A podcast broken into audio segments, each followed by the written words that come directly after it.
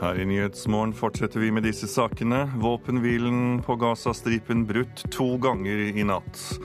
USA går til militært angrep på ISIL i Nord-Irak. Og 22 personer er evakuert i Lyngen i Troms etter flere jordskred. Jeg ble så redd. Jeg trodde nesten jeg skulle måtte hoppe ut i vann, og da trodde jeg nesten jeg skulle få sjokk. Programleder i dag det er Tor Albert Frøsland. Våpenhvilen på Gazastripen er brutt to ganger i natt, og den gikk ut for om lag tre minutter siden. Midtøsten-korrespondent Sigurd Falkenberg Mikkelsen, nå sier også Hamas at de ikke er interessert i å forlenge våpenhvilen på Gazastripen. Så hva skjer så?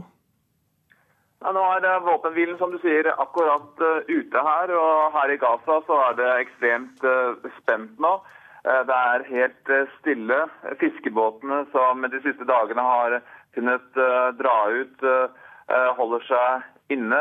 Eh, og det er heller ikke noe trafikk eh, i gatene her eh, jeg er. For folk er veldig urolig for hva som til, kan komme til å skje, i og med at det ikke er kommet fram til noen avtale. Nei, Hamas er jo da ikke interessert i å fortsette eller å forlenge våpenhvilen. Frykter folk for nye angrep nå? Absolutt. De har vært urolige alle disse dagene for at akkurat det som nå skjer, skulle skje. Eh, og jeg snakket med folk som eh, ikke engang torde beveget på seg under denne eh, våpenhvilen. Sånn at folk er redde nå for at kampene begynner om igjen. Egypt har jo påtatt seg et forhandlingsansvar, om jeg kan kalle det det. Hvordan går det med disse? Vil de fortsette? Det er uklart akkurat nå. I går så var Abu Obeida, talsmann for Qassem-brigadene, Hamas' væpnede gren, Eh, på TV her i Gaza, og han sa at hvis eh, ikke Israel går med på våre krav, så, jeg, så må vår delegasjon vende hjem hit. Og De var altså forberedt da på å gjenoppta stridighetene. Og Han nevnte da noen av maksimumskravene, at alle de Bl.a. at uh, Gazas havn skulle åpnes, og at de skulle få en flyplass. Eh, men i bunnen her så ligger det nok også eh, et mer, mer, noe mer dempede krav. De palestinske felleskravene bl.a. handler om at blokaden heves, og at fanger skal løses. Israel insisterer nok også i disse forhandlingene på en, på en form for avterrorisering. Og Eh, det møter de et eh, blankt eh, nei på. sånn at Forhandlingene står stille. Det er stor avstand mellom partene. Hvorfor er det så vanskelig å komme til en enighet rundt dette du nevner? Det er fordi det er en vanskelig situasjon. Og Gaza er både internasjonalt og her mellom partene noe hvor det er stor avstand mellom de forskjellige involverte partene. Og det er en blokade. Det er en okkupasjon av Gaza. Og så har du da en, en voldsom militarisering av Hamas, som gjør at Som også har bekymret mange internasjonale, internasjonale aktører. Og vi er i en situasjon hvor Hamas er ganske presset opp i et hjørne politisk. Og de er nødt til å få noe ut av denne kampen. Eh, de har, eh, de har kjempet eh, politisk. Hvis ikke så blir det vanskelig for dem å, å holde den maktposisjonen de har i Gaza, i hvert fall den støtten de har hatt så langt. Takk skal du ha, Sigurd Falkenberg Mikkelsen. USAs president Barack Obama bekreftet i natt at han har godkjent to militæraksjoner i Irak i kampen mot den ekstreme islamistiske gruppen ISIL. Today I authorize two operations in Iraq targeted airstrikes to protect our American personnel, and a humanitarian effort to help save thousands of Iraqi civilians who are trapped on a mountain without food and water and facing almost certain death. Militæraksjonene innebærer altså både luftangrep og nødhjelpssendinger til de rundt 200 000 menneskene som har søkt tilflukt i Sinjar-fjellene. Og det er viktig for Obama å ta opp kampen mot ISIL, det sier USA-korrespondent Tove Bjørgaas. Fordi denne krisen i Irak nå er helt akutt i forhold til flyktningene som trenger nødhjelp uh, umiddelbart. Og også fordi uh, det er uh, fare for at dette ISIL-opprøret nå sprer seg til områder i Irak som er veldig viktige for USA. Men hvorfor vil USA bombe? Eh, Obama sa i natt at, at USA vil bombe dersom ISIL-opprørerne nærmer seg byen Erbil i Nord-Irak. Og Det er fordi denne byen, eh, der er det en god del amerikanske soldater og amerikanske diplomater. Og USA ønsker nok for all del å unngå at det som skjedde i Benghazi i Libya, skjer igjen i Irak. Men det er altså noen få utvalgte bombeangrep han snakker om, men det er ikke en veldig stor bombekampanje. Det er snakk om å, å, å, å ta det han kaller for targeted strikes, altså gå, gå rett på opprørere dersom han opp, oppdager dem på vei til denne byen. En ting er målrettede bombeangrep, men kommer USA også til å gå inn med bakkestyrker i Irak? Det er helt uaktuelt. Obama er jo presidenten som ble valgt fordi han skulle få slutt på krigen i Irak, og fikk slutt på det.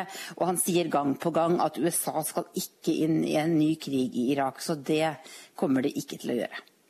FNs sikkerhetsråd møttes i natt i et ekstraordinært møte om situasjonen nord i Irak. Hvordan reagerer FN på det USA nå gjennomfører?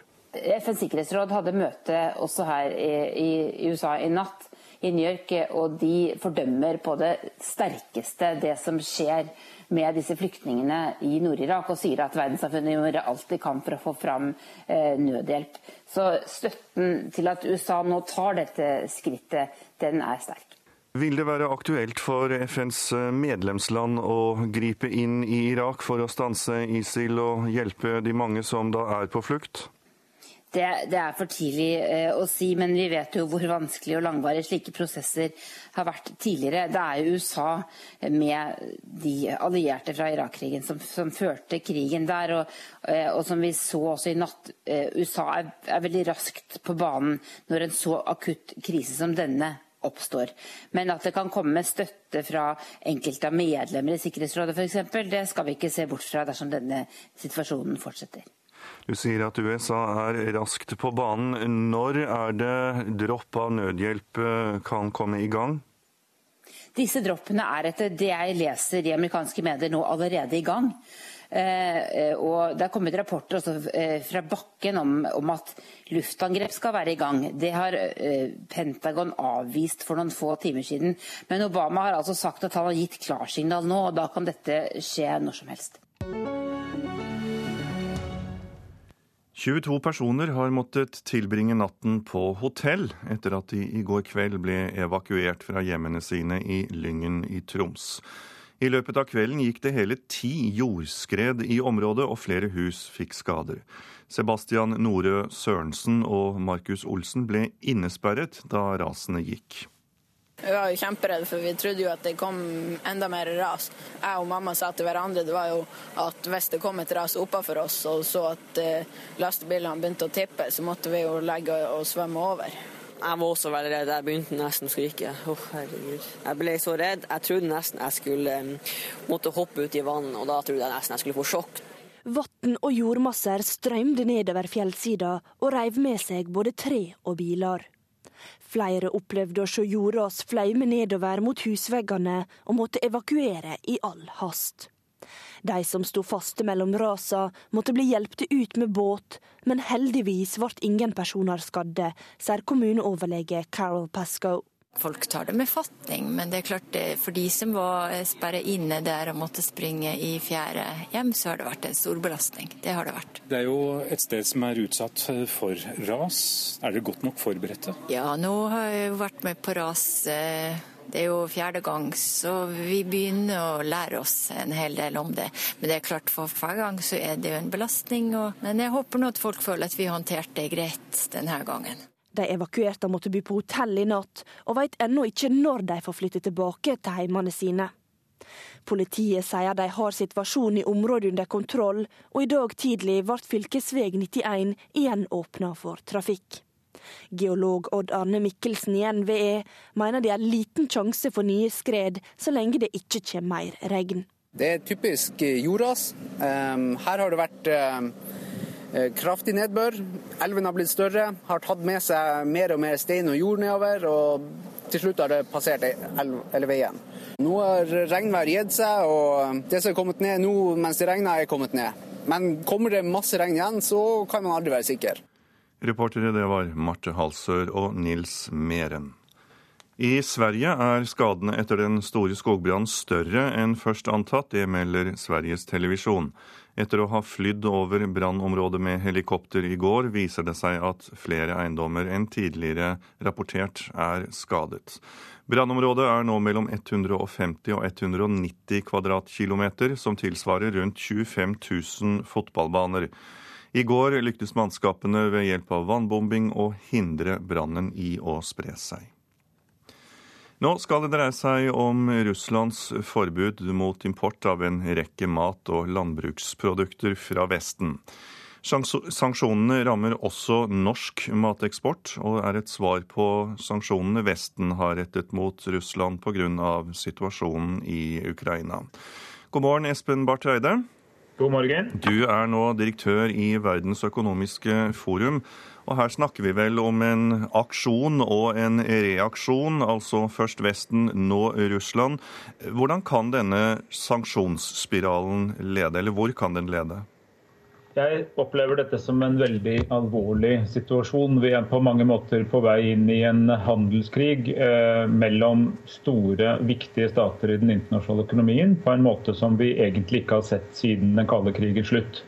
Og I verste fall kan vi se at dette er slutten på en lang periode med globalisering, der eh, verdensøkonomien på mange måter ble fristilt fra storpolitikken, og man handlet i øst og vest, nord og sør eh, gjennom bl.a. utvidelsen av Verdens handelsorganisasjon. At vi nå kanskje går mer tilbake til en blokkpolitikk slik vi så det for 25 eh, år siden. Du, du, sier slutt på globalisering. Hva er det verden taper med redusert globalisering? Det er ingen tvil om at eh, alle parter taper på en situasjon hvor man ikke lenger eh, handler der det er mest eh, lønnsomt og opportunt. Det betyr jo nå at en rekke europeiske eksportører, herunder norske fiskeeksportører, må finne seg andre markeder. Det vil de vel klare etter hvert, men det kan bli en smertefull omstilling. Det kan også bety at andre ikke-vestlige land vil begynne å erstatte den eksporten til Russland som i stor grad har kommet fra Europa. Dette vil smerte i Russland, og det vil smerte i Europa. Jeg tror jo at Russland taper mest på dette på lang sikt, men spørsmålet er om ikke smerten i Europa blir større på kort sikt. og Da er det jo et spørsmål om den politiske bærekraften i denne politikken. Jeg tror i hvert fall det er en negativ spiral som, eh, som kan være begynnelsen på noe som eh, kan bli enda mer alvorlig. Men kan det også komme noe positivt ut av, des, ut av dette? I, i, med disse sanksjonene fra Russland så kan det tenkes at Vesten eh, samarbeider bedre? Det kan jo tenkes at det nå blir en slags eh, samling i bånn, og at man, eh, man, finner en mer eh, helhetlig europeisk transatlantisk politikk overfor det som har skjedd i Ukraina. For det er jo ikke noe tvil om at det er, har vært en rekke utviklingstrekk der som det er nødvendig å reagere på. Og så er jo verktøykassa ikke altfor stor, og da faller man ofte tilbake til handelssanksjoner.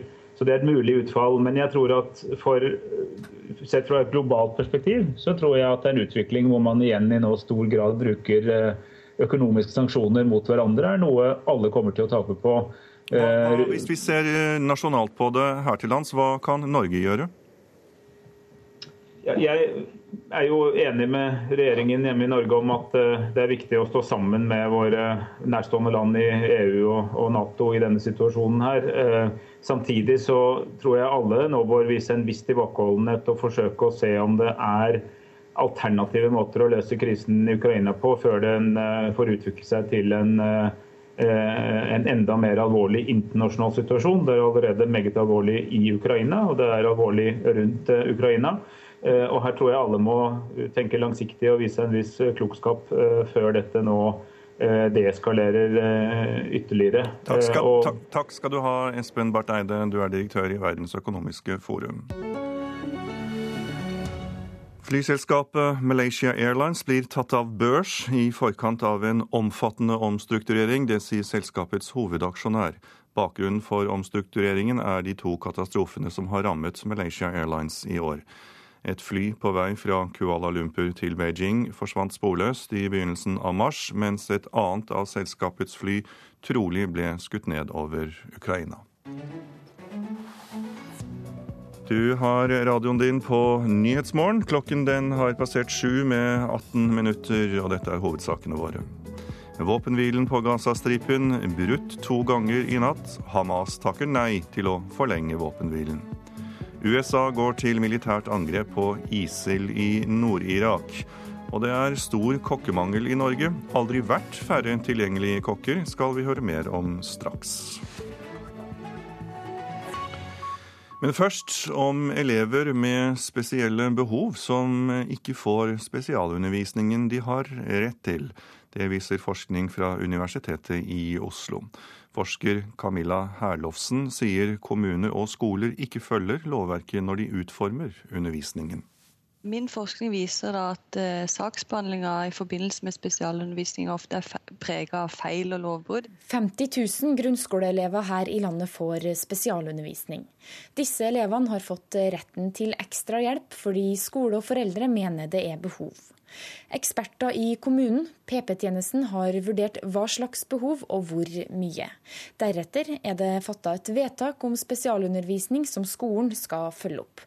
Men det skjer feil i alle ledd. Både da skolen og PP-tjenesten de har vansker med å bruke de, for de riktige lovene og, og tolke de lovbestemmelsene de skal tolke i forbindelse med eh, saksbehandling om spesialundervisning. Eh, Arbeideren, arbeideren Han begynner snart i tiende klasse og sliter med sterk dysleksi. PP-tjenesten mener han skal ha 228 timer spesialundervisning med lærer i året, men skolen har vedtatt 152 timer uten god begrunnelse. Det finnes heller ingen beskrivelse av innholdet i spesialundervisninga han har rett på. Jeg tror at han har gjort det bedre på skolen hvis han hadde fått mer riktig hjelp. Mamma Eva mener sønnen ikke har fått undervisninga han har krav på. Med ett år igjen av ungdomsskolen må det knallhard jobbing til hvis drømmen om allmennfag på videregående og en jobb med IT skal gå i oppfyllelse. Målet er å eh, komme ut av ungdomsskolen med karakterer i alle fag. Tilsynsrapporter og undersøkelser gjort av Havarikommisjonen tyder på at mange med rett til spesialundervisning blir vurdert feil. Herlofsen har undersøkt noen enkeltsaker. For den enkelte elev kan feil vurdering ha alvorlige konsekvenser, sier hun. Da kan det jo en, utgjøre en fare for, eh, for elevenes utvikling og rettssikkerhet. Og at ikke de får den opplæringa som de har krav på. Hun mener løsninga er å bedre kunnskapen om lovverket. Det er klart behov for en kvalitetsutvikling, altså for å bedre praktisering av det regelverket vi har og den kjeden vi har. Nei, det er ikke bra nok. Men vi må gjøre noe for å på en måte endre slik at det kan bli bedre. Og da også både spesialpedagogisk kompetanse kanskje inn mer inn i lærerutdanninga, og regelverk inn i utdanningene. Reporter var Marit Gjelland. God morgen og velkommen, Nina Holmen. Du er spesialpedagog og jobber i organisasjonen ADHD Norge. Hvordan opplever medlemmene av ADHD Norge at eh, kommunene ikke følger lovverket når det gjelder spesialundervisning? Ja, dette hører vi om eh, hver eneste dag. Eh, det er lovbrudd over hele landet. Så det er store hull der ute. Men får elevene den spesialundervisningen som PP-tjenesten foreslår? Ofte så eh, får de ikke det. Eh, skolene kan jo velge litt i forhold til eh, om man kan ha ressursene inne, ikke sant. I forhold til å tilby det timeantallet som PPT foreslår. Eller om man gjennomfører de tiltakene som PPT foreslår. Hva er det som er vanlig å oppleve? Ehm, man opplever gjerne at man får mindre timeantall enn eh, det PPT foreslår. Sånn at eh, elevene får mindre spesialundervisning enn det som faktisk eh, er foreslått. Og Hva er så konsekvensen for disse elevene? Konsekvensene er jo elevene taper. Altså de taper når det gjelder grunnleggende ferdigheter. Jo høyere opp de kommer, jo mer krav til lesing og skriving i skolen er det.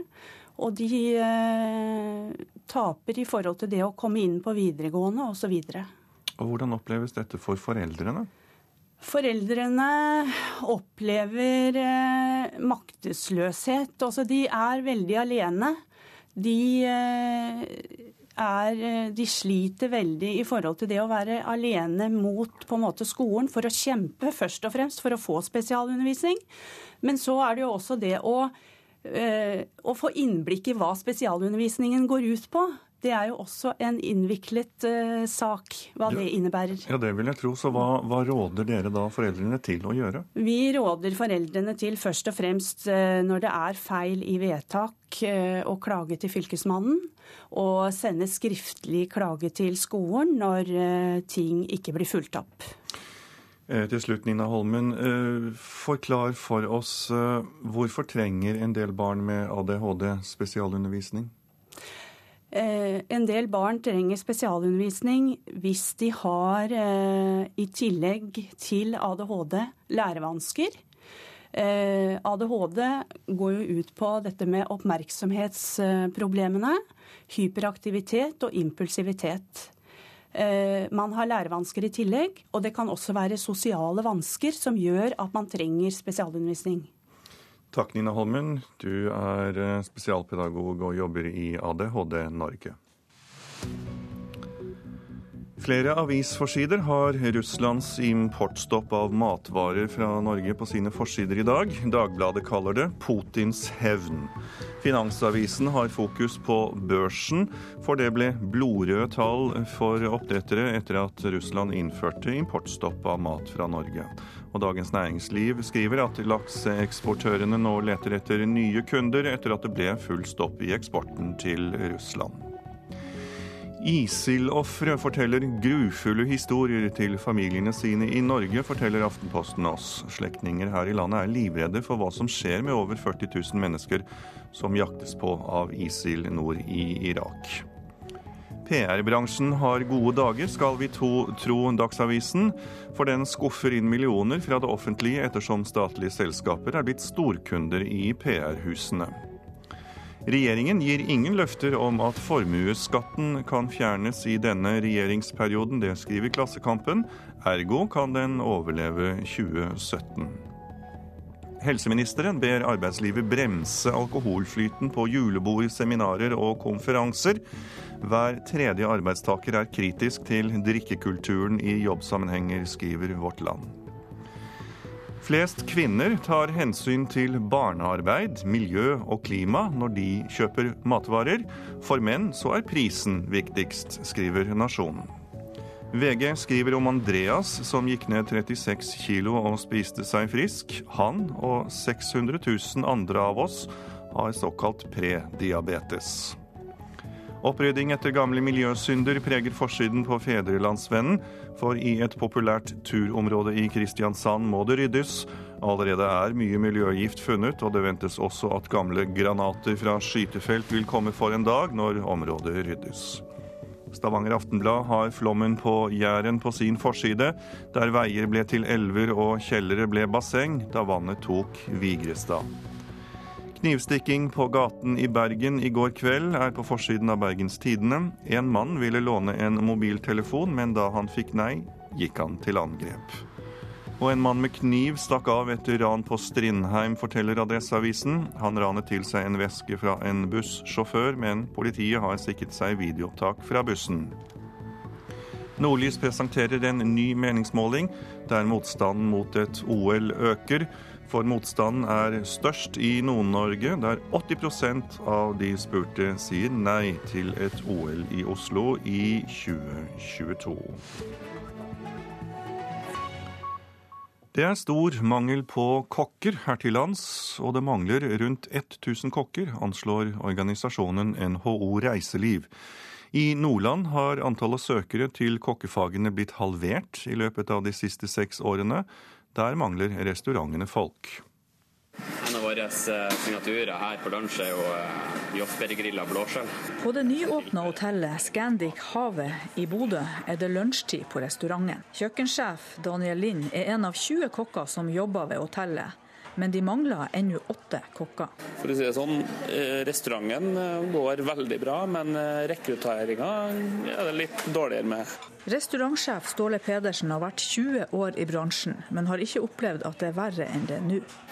Vi snakker med alle vi kjenner. Vi eh, henvender oss i media. Vi har eh, brukt hovedkontoret til vårt eh, på Scandic, både i Norge og i Sverige. Tall fra 2013 viser at det mangler om lag 1000 kokker i Norge, ifølge NHO Reiseliv. På seks år siden 2008 har det vært en halvering av søkere til kokk- og servitørfagene i Nordland.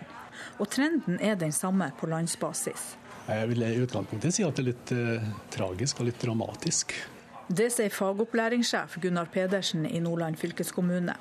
For det er en stor næring som har behov for et stort eh, rekruttering. Men fylkestinget i fjor eh, satte av 500 000, eh, og det bruker vi eh, da ut mot bransjen og videregående skolene for at de da skal gjennomføre et opplegg. I år er det om lag like mange søkere som i fjor. Det er spesielt i Narvik at de har lyktes med å lokke til seg ungdom, hvor de i fjor hadde én søker til restaurant- og matfag, mens det i år blir en hel klasse med 15 elever etter en iherdig rekrutteringsjobb. Og vi får håpe at de andre også jobber, andre regionene jobber godt, for vi har veldig fine skoler med nytt utstyr. og Da er det synd at de står der halvtomme. Reporter var eh, Monica White Martinsen. Produsent for Nyhetsmorgen i dag det er Eli Bjelland, og programleder er Tor Albert Frøsland. I reportasjen etter Dagsnytt kan du høre at det i morgen er 40 år siden president Nixon gikk av, og vi får også besøk av SV-leder Audun Lysbakken og stortingsrepresentant for Høyre Henrik Asheim, som skal diskutere lærerstreik. Men nå er Silje Sande kommet i studio for å gi deg de siste nyhetene fra Dagsnytt-redaksjonen. Sommer i P2. Jeg heter Laila Riksåsen Dahl og har vært biskop i Tunsberg. I Sommer i P2 i dag skal jeg fortelle litt om en kronglete vei inn i bispetjenesten. Sommer i P2. Kjente stemmer inviterer deg nærmere. I dag klokken ti.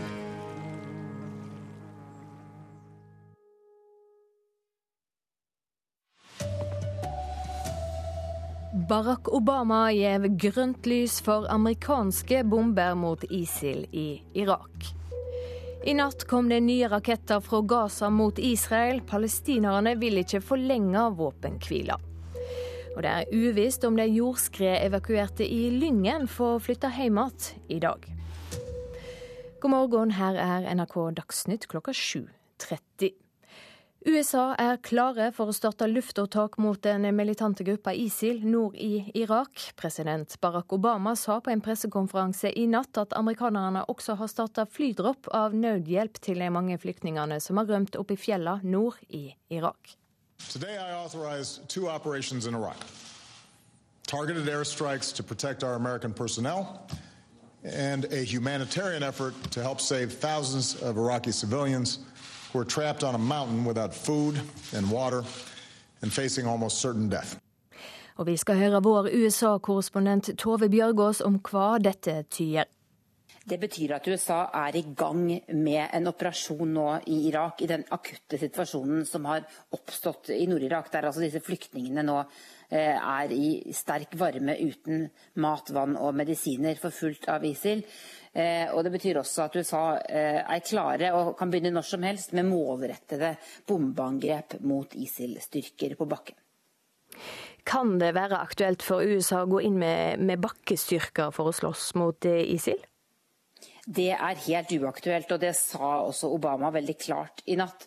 Det er snakk om luftangrep og målrettede luftangrep dersom ISIL-soldatene beveger seg mot byen Erbil, der det er en del amerikanske soldater og mye amerikansk diplomatisk personell. Men en ny bakkeoperasjon i Irak nå, det avviste Obama på det sterkeste. Hvorfor gjør USA dette? Fordi situasjonen i Irak nå er helt eh, akutt. Eh, og landet selvfølgelig føler at de har et ansvar for at den er blitt det, og ser at irakiske myndigheter ikke er i stand til å håndtere situasjonen eh, ved f.eks. å få fram nødhjelp til disse flyktningene. Og Derfor sa Obama også i natt at eh, etter henstilling fra irakiske myndigheter, så gjør USA nå dette. Tove Bjørgaas med fra USA. Og Tryggingsrådet i FN hadde i natt et ekstraordinært møte om situasjonen nord i Irak. Her hjemme får ikke elever som trenger særskilt oppfølging, den spesialundervisninga de har rett på. Det viser forskning fra Universitetet i Oslo. Forsker Camilla Herlofsen sier kommuner og skoler ikke følger lova når de organiserer undervisninga.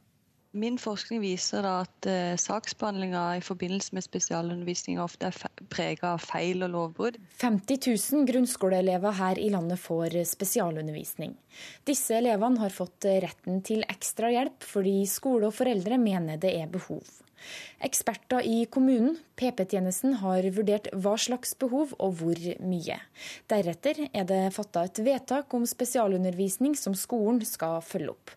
Men det skjer feil i alle ledd. Både skolen og PP-tjenesten de har vansker med å bruke de, for de riktige lovene og, og tolke de lovbestemmelsene de skal tolke i forbindelse med eh, saksbehandling om spesialundervisning. Jeg tror vi har gjort det bedre på skolen hvis han hadde fått mer riktig hjelp.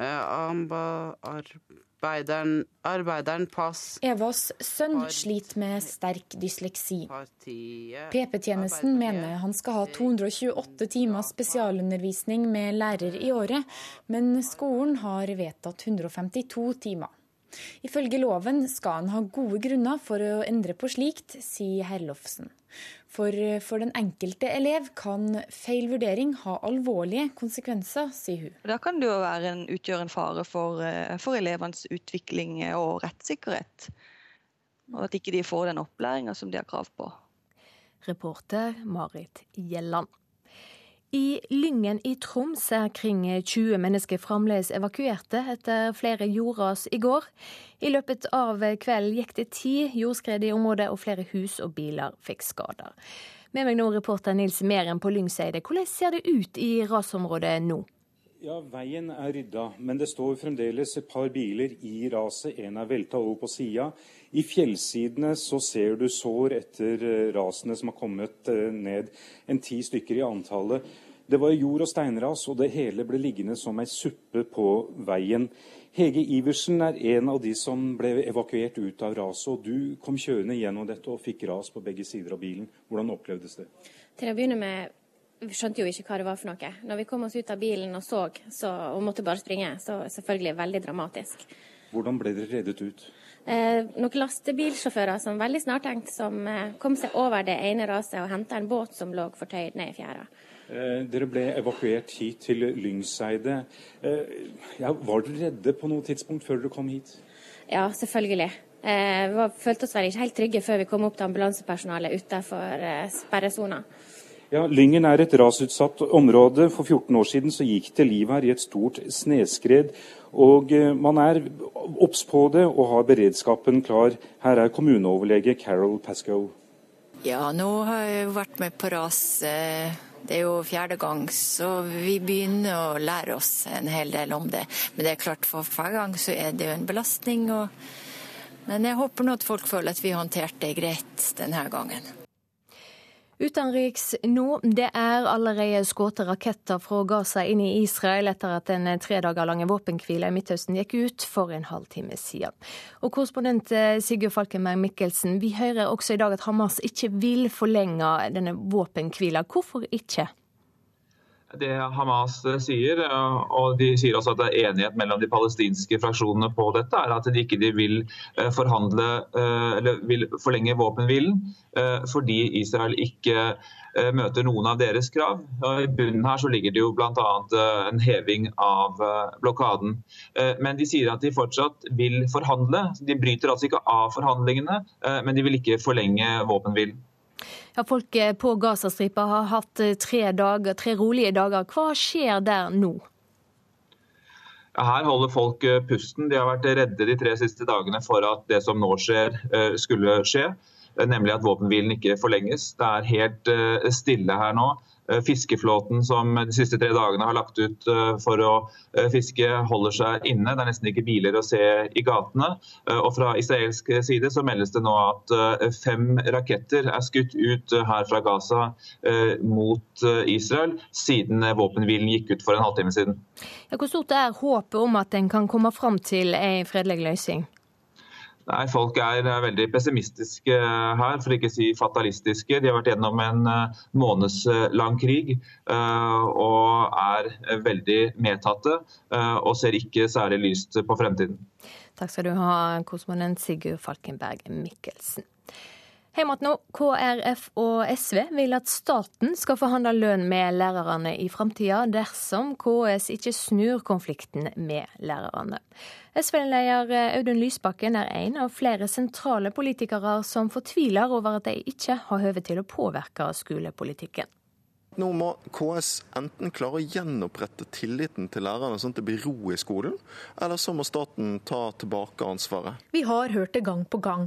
Kunnskapsministeren som sier at han ikke kan gjøre noe med den fastlåste konflikten mellom lærerne og KS. Nå kaster skolepolitisk talsmann i KrF Anders Tyvand seg inn i debatten. Så lenge forandringsansvaret ligger eh, i kommunene, så er det utfordrende å få til et eh, nasjonalt lærerløft. Det er i det hele tatt vanskelig å føre en nasjonal skolepolitikk. Reporter Veronica Westrin. Skadene etter storbrannen i Sverige er større enn regna med, det melder SVT. Overflyginga med helikopter har avdekket at flere eiendommer enn tidligere rapportert er herja av brannen. Så fotball. Alle de norske lagene er nå ute av europacupene etter Rosenborgs uavgjort 1-1 mot tyrkiske Karabukspor i går.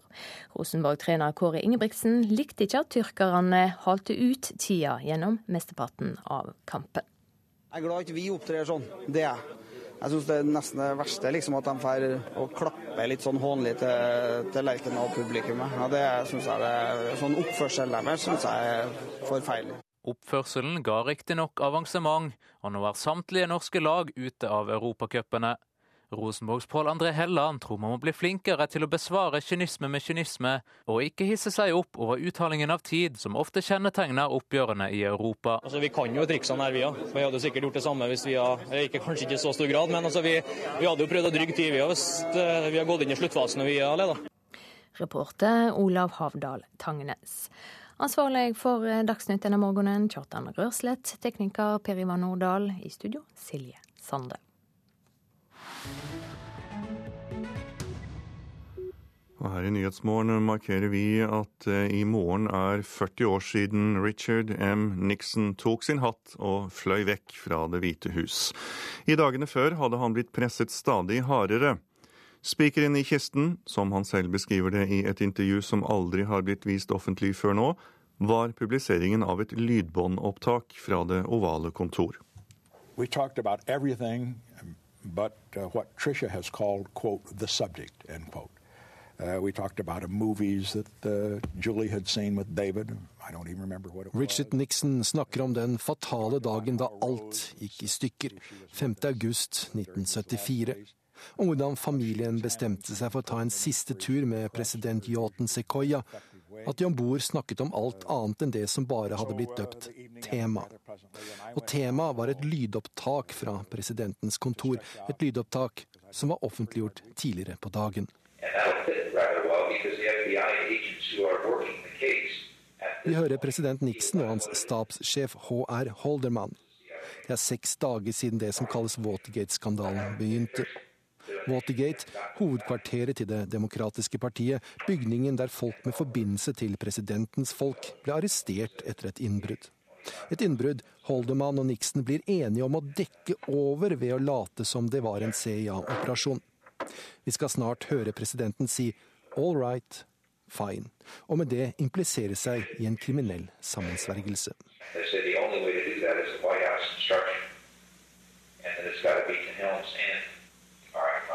Denne uken har en rekke unike opptak blitt offentliggjort av Nixon-museet. Vi hørte ett av dem helt i starten. Det er deler av et intervju Nixon gjennomførte ti år etter sin avgang, og som tidligere ikke er publisert.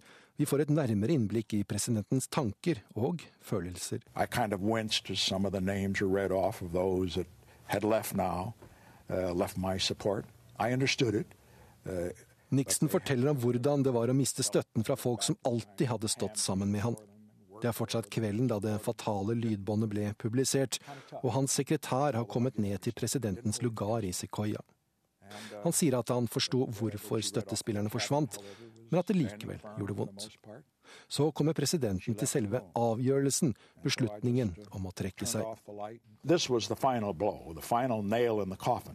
Although you don't need another nail if you're already in the coffin, which we were. Now, resigning now was the option I didn't want to do above everything else, personally. Uh, I'm a fighter. Jeg hadde ikke lyst til å slutte, forteller Nixon. Det ville ha vært å innrømme skyld, noe han innrømmer at det var. Og han mener at det ville skape en farlig presedens for kommende presidenter. Men de to andre alternativene var verre. Å gjennomgå en riksrett som ville tvinge hans støttespiller til å dømme han, eller en høring som ville ha vart i mange måneder og lammet det politiske systemet. Nixon mener han gjorde det som var best for landet. Så 8. august kom talen til nasjonen der han kaster kortene. Therefore, I shall resign the presidency effective at noon tomorrow. Vice President Ford will be sworn in as president at that hour in this office. Men Nixon avslører i de nye opptakene at han ikke var den største motstanderen av å slutte. Det skal ha vært hans familie. Nixon forteller om reaksjonen fra en av hans døtre. Daddy, I love you. Whatever you do, I will support. Please wait a week or even 10 days before you make this decision. Go through the fire just a little bit longer. You are so strong. I love you. Reporter her, det var Halvard Sandberg. Hovedsakene våre i Nyhetsmorgen og når klokken nærmer seg 7.45, det er at våpenhvilen i Gazastripen er brutt to ganger i natt, og Hamas takker nei til å forlenge våpenhvilen. USAs president Obama gir grønt lys til militært angrep på ISIL i Nord-Irak. Starter også humanitær hjelp til flyktningene som er på flukt fra ISIL. Og i Sverige er skadene etter den store skogbrannen større enn først antatt. Flere eiendommer enn tidligere er rapportert skadet. Bør en langvarig streik føre til at kommunene ikke lenger får forhandle lønn med lærerne? SV-leder Audun Lysbakken, hva skal til for at staten bør ta tilbake forhandlingene med lærerne? Det vi ser i norsk skole nå, er jo en veldig alvorlig situasjon der eh, det er full tillitskrise mellom lærerne og arbeidsgiverne. og ja. der det er elevene og uh, småbarnsfamiliene som betaler prisen. Men hva skal til da? Ja, og I det ligger svaret på ditt spørsmål. Hvis ikke KS, uh, kommunene, klarer å løse opp i den tillitskrisen, så er staten nødt til å gripe inn. Det var tidligere sånn at staten hadde forhandlingsansvaret for lærerne. Uh, så er det jo mest naturlig egentlig at kommunene som arbeidsgivere har det. Men hvis ikke vi nå får en situasjon der vi får tillit og arbeidsro for norske lærere, der de kan konsentrere seg om det som er jobben for norsk skole. Hvis vi får mer konflikt, ja, da mener jeg at eh, resultatet av det må være at staten tar tilbake ansvaret. Men bare for å ha det klart, hvordan kan staten ta tilbake makten over lærernes lønn dersom det blir aktuelt? Nei, Da kan eh, staten ta tilbake ansvaret for å forhandle med lærerne, sånn som man hadde det før. Og hvilken garanti kan du si at dette gir forbedring dersom staten overtar? For staten har prøvd, bl.a. Eh, under Arbeiderpartistatsråd Gudbjørn Hernes Kirkenes i 92, og da samlet 6000 lærere seg i, i protest her i Oslo? Altså Det vi jo vet, er at uh, med uh, staten som forhandlingspart, så er det mulig uh, å følge opp nasjonale løft for skolen på en bedre måte. Men jeg, men jeg, vil jo at vi skal begynne et annet sted. Jeg håper at KS kan gå bort fra den konfrontasjonslinjen de nå har ført. Jeg mener det er KS som har ansvaret for at vi nå har en så tilspisset konfliktsituasjon i norsk skole. Og jeg mener at de politiske partiene har et ansvar for å få KS til å skifte kurs. Nå er ikke KS KS med oss, for de ønsket ikke å delta i en eh, politisk debatt. Men Henrik Asheim, du er med, og du er medlem av utdanningskomiteen på Stortinget for Høyre. Hvorfor mener du det er helt uaktuelt å frata KS forhandlingsansvaret? Ja, I 2004 så gikk jo et nesten enstemmig storting inn for å gjøre nettopp det. altså flytte flytte forhandlingsansvaret ned til kommunene. og Grunnen til det var at staten satt og forhandlet lønn og arbeidsvilkår med lærerne, og så var det kommunene som betalte regningen. Eh, og jeg tror at det er veldig viktig når man sier at kommunene skal ha arbeidsgiveransvaret, og det mener jeg er viktig at de skal ha. Altså Det håper jeg Lysbakken også er enig i. Så bør de også uh, ha ansvaret for å forhandle den lønnen. For det blir veldig lett å forhandle på vegne av noen andre milliarder av kroner i lønnsøkning, uh, uten at det skaper engasjement. Og hvorfor er det så viktig at kommunene er aktive eiere av skolen og aktive arbeidsgivere for lærerne? Jo, fordi det er når lokaldemokratiet er med på å utvikle skolen, at jeg tror skolen også blir bedre. Jeg er helt enig i at det er en tillitskrise nå mellom KS og lærerne. En streik er jo gjerne et godt bilde på det. Men det kan jo ikke bety at vi da skal begynne å diskutere om vi skal bytte ut den ene parten. Det må bety at vi må få et bedre forhandlingsklima. SV var det eneste partiet som gikk imot å eh, overføre forhandlingsansvaret den gangen. Det var fordi vi fryktet at det som nå skjer, skulle skje. Eh, men la meg understreke det at det beste som kan skje, er om KS, kommunene eh, og lærerne blir enige. Men da er vi nødt til å se en helt annen linje fra kommunene enn det vi har sett i det siste. Eh, og, og, dette handler om hvorvidt vi kan nå viktige nasjonale skolepolitiske mål knyttet til bedre oppfølging og tilbakemelding til elevene, istedenfor mindre fleksibilitet og muligheter til det for lærerne, sånn som resultatet av denne arbeidstidsavtalen vil bli. Det handler om rekruttering av lærere, der vi er avhengig av optimisme, tillit og arbeidsro i skolen. Nå er altså situasjonen det motsatte. Vi har fått konflikt og mistillit istedenfor. Dere i Høyre er jo sånn sett lærernes, eller på parti med lærerne, for dere vil gjerne skape superlærere av seg. Men hadde det vært enklere hvis staten forhandlet lønn og arbeid med lærerne? Nei, jeg tror ikke det. Jeg tror det er litt naivt å tro at hvis bare staten hadde vært der, så hadde det vært så mye lettere alt sammen. Eh, jeg var selv, jeg opplevde streik da jeg gikk på skolen, og det, noe, det var ikke noe nytt. Og da var det staten som forhandlet. sånn at eh, Nei, jeg tror ikke det. Men, men, det er klart at det som er det viktige å si også, er at lærerne sier nå nok er nok. ikke sant? Dette er jo ikke en frustrasjon som har kommet til dette lønnsoppgjøret. Det er noe som man har holdt på med lenge. Man har opplevd mye byråkratisering, mange sånne ting som det, som gjør at lærerne på et tidspunkt sier at det er nok. Det er ikke åtte måneder med, med Høyre i regjering, det er kanskje de siste åtte årene som har gjort at den frustrasjonen har vokst frem. Sånn at når man da skal uh, se på hva man skal gjøre for å unngå det, så tror jeg vi både skal se på hva vi kan gjøre nasjonalt innenfor skolepolitikken, men så mener jeg også at vi nå ser en konstruktiv linje fra KS og fra lærerne som sier de skal sette seg ned på nytt, og alt kan forhandles om. Og det er veldig bra. Og de siste åtte årene som Asheim nevner, det har ditt parti Lysbakken mm. hatt ansvar for i regjering. Men hvilke negative konsekvenser ser du hvis det skal være staten som forhandler?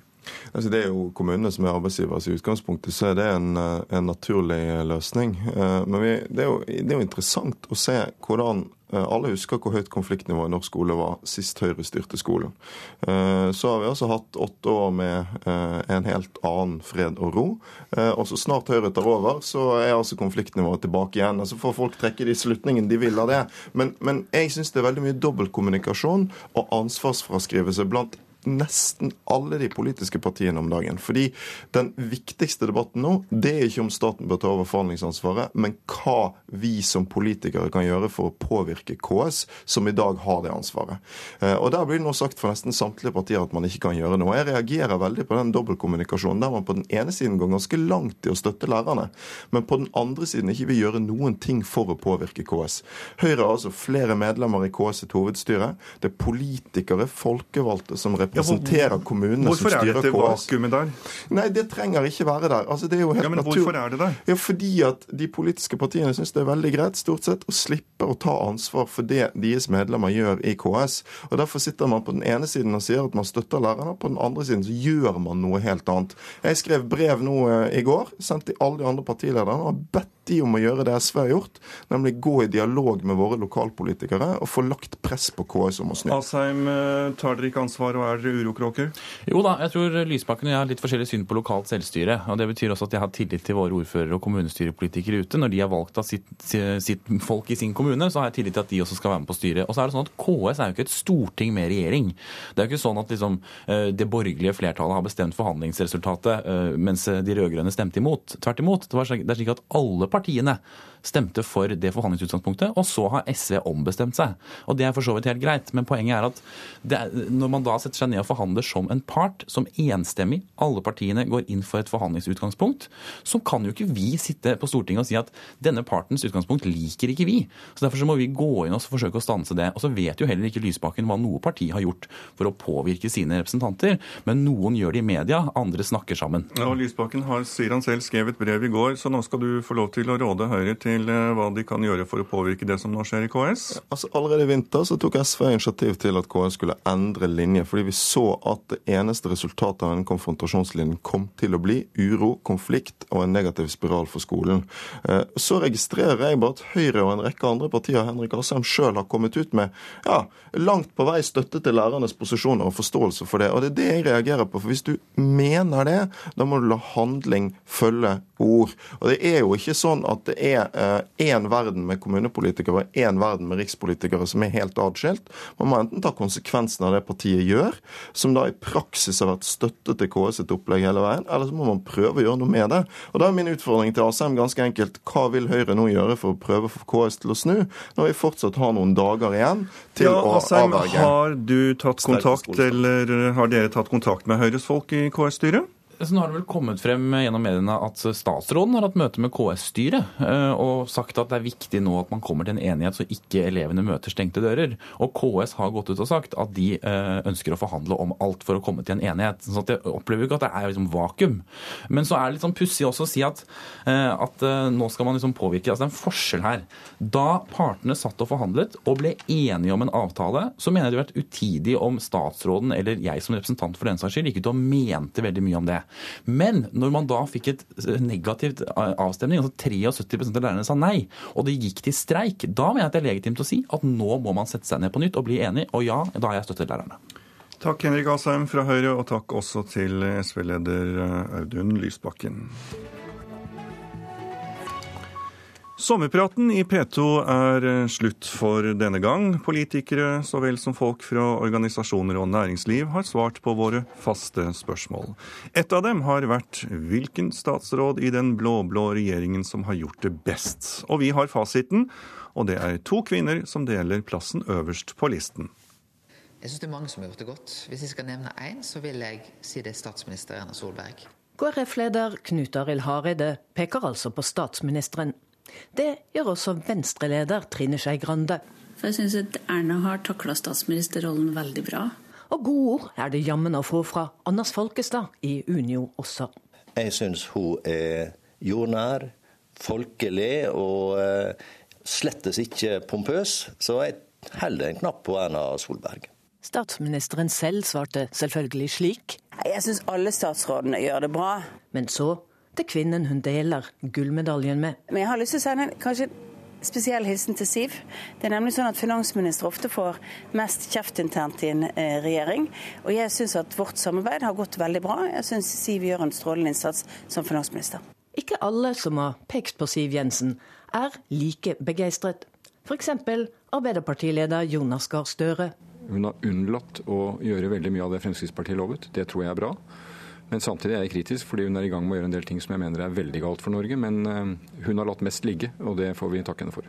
Fondsforvalter Jan Petter Sissener har også fulgt med på hva finansministeren gjør. Jeg syns kanskje at den som kanskje har overrasket mest uh, positivt, det er Siv Jensen, som har moderert seg ganske så meget. Utenriksminister Børge Brende har fått poeng fra bl.a. SV-leder Audun Lysbakken. Jeg syns at han er en ærlig og fin politiker, som selv om jeg har hatt noen skikkelige oppgjør med han de siste månedene om både Gaza og Dalai Lama, gjør jobben på en, en ryddig måte som jeg har respekt for. Og så er han en fin fyr. Olje- og energiminister Tord Lien kan notere seg for skryt fra LO-leder Gerd Kristiansen. Jeg skal ikke si hvem som har gjort det best, men, men den statsråden som vi har eh, det beste samarbeidet med, eh, er faktisk olje- og energiministeren og arbeids- og sosialminister Robert Eriksson har gjort inntrykk på medtrønder og nestleder i Senterpartiet, Ola Borten Moe. Jeg må innrømme at uh, Robert Eriksson fra Nord-Trøndelag har hatt en god start på sosial profil og engasjement rundt mange saker der. Flere som er nevnt? Jeg er veldig fornøyd med at justisministeren har vært så tydelig på at legalisering av hasj er uaktuelt i Norge.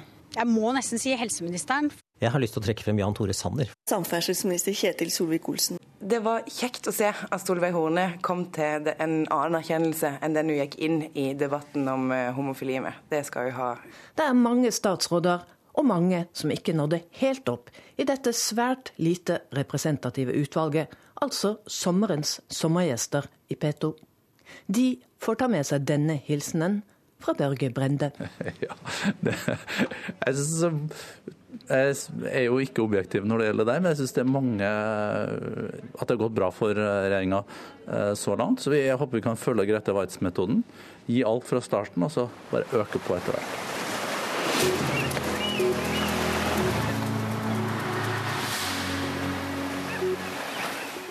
Reporter var Katrin Hellesnes. Da skal du få høre hvordan fredagsværet blir. Fjellet i Sør-Norge skiftende bris, skyet eller delvis skyet. Enkelte regnbyger vesentlig om ettermiddagen. Lettere vær i kveld. Østland og Telemark skiftende bris, periodevis sørvest frisk bris på kysten. Først i dag enkelte regnbyger i Østfold og på kysten av Telemark. Ellers delvis skyet oppholdsvær. Fra midt på dagen lokale regnbyger i Innlandet, kan hende med torden. Agder får skiftende bris, periodevis sørvestlig frisk bris på kysten av Aust-Agder. Delvis skyet på kysten, til dels pent vær. Lokale ettermiddagsbyger i indre strøk. Rogaland og Hordaland nordlig bris, lokale regnbyger i indre strøk. Ellers oppholdsvær og perioder med sol. Sogn og Fjordane nordlig frisk bris på kysten. I kveld nordøstlig liten kuling omkring Stad. Lokale regnbyger i indre strøk. Ellers opphold og perioder med sol. Møre og Romsdal skiftende bris, på kysten bris omkring vest. I kveld nordøst frisk bris på kysten. Regn og regnbyger, kan hende med torden. I ettermiddag lettere vær først i ytre strøk. Trøndelag får nordvest bris. Regnbyger kan hende med torden. I kveld nordøstlig bris og lettere vær. Nordland på kysten av Helgeland nordøstlig frisk bris, ellers rolig vindforhold. Skyet eller delvis skyet oppholdsvær, men i nord enkelte regnbyger først i dag. Troms får vestlig bris, først på dagen frisk bris på kysten. Skyet eller delvis skyet og enkelte regnbyger. I Finnmark blir det bris omkring vest, opp til liten kuling på kysten. I kveld regner nordlig. Skyet eller delvis skyet. På vidda blir det stort sett oppholdsvær, ellers enkelte regnbyger. Nordensjøland på Spitsbergen, der blir det bris omkring vest og delvis skyet oppholdsvær. Så var det morgentemperaturene, og de ble målt klokken sju. Svalbard lufthavn 7 grader, Kirkenes 19, Vardø 12, Alta 14, Tromsø-Langnes 11, Bodø 12, Brønnøysund 14, og så er det mange som hadde 15 grader, og det er Trondheim-Værnes, Molde, Bergen-Flesland og Stavanger. Kristiansand-Kjevik og Gardermoen hadde 14 grader. Lillehammer 13. Røros 9, og Blindern i Oslo hadde 17 grader da temperaturene ble målt for en times tid siden.